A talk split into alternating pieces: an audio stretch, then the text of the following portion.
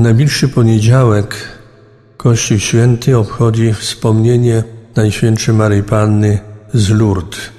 Od pewnego czasu mamy zwyczaj obchodzić tego dnia Dzień Chorego i Dzień Służby Zdrowia w całym Kościele.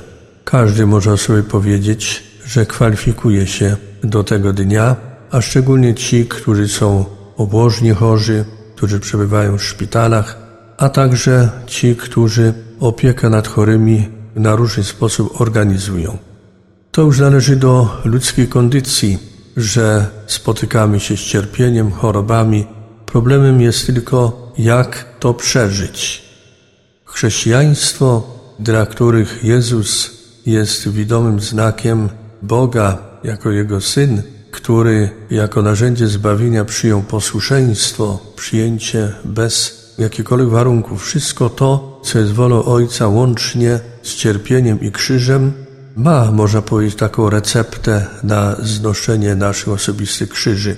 Niemniej jednak potrzeba pogłębienia wiary i jednocześnie potrzeba wielkiej modlitwy we własnej intencji, a także w intencji chorych, by zrozumieli, że cierpiąc, chorując wcale nie są ludźmi innej kategorii, wprost przeciwnie, są bardziej podobni do Chrystusa, a jeżeli człowiek zdrowy, są ogromnie pożyteczni nie tylko dla siebie, ale dla wszystkich innych ludzi. Są znakiem, bardzo czytelnym znakiem, że cierpienie może być tym kamieniem węgielnym, na którym buduje się swoją przyszłość.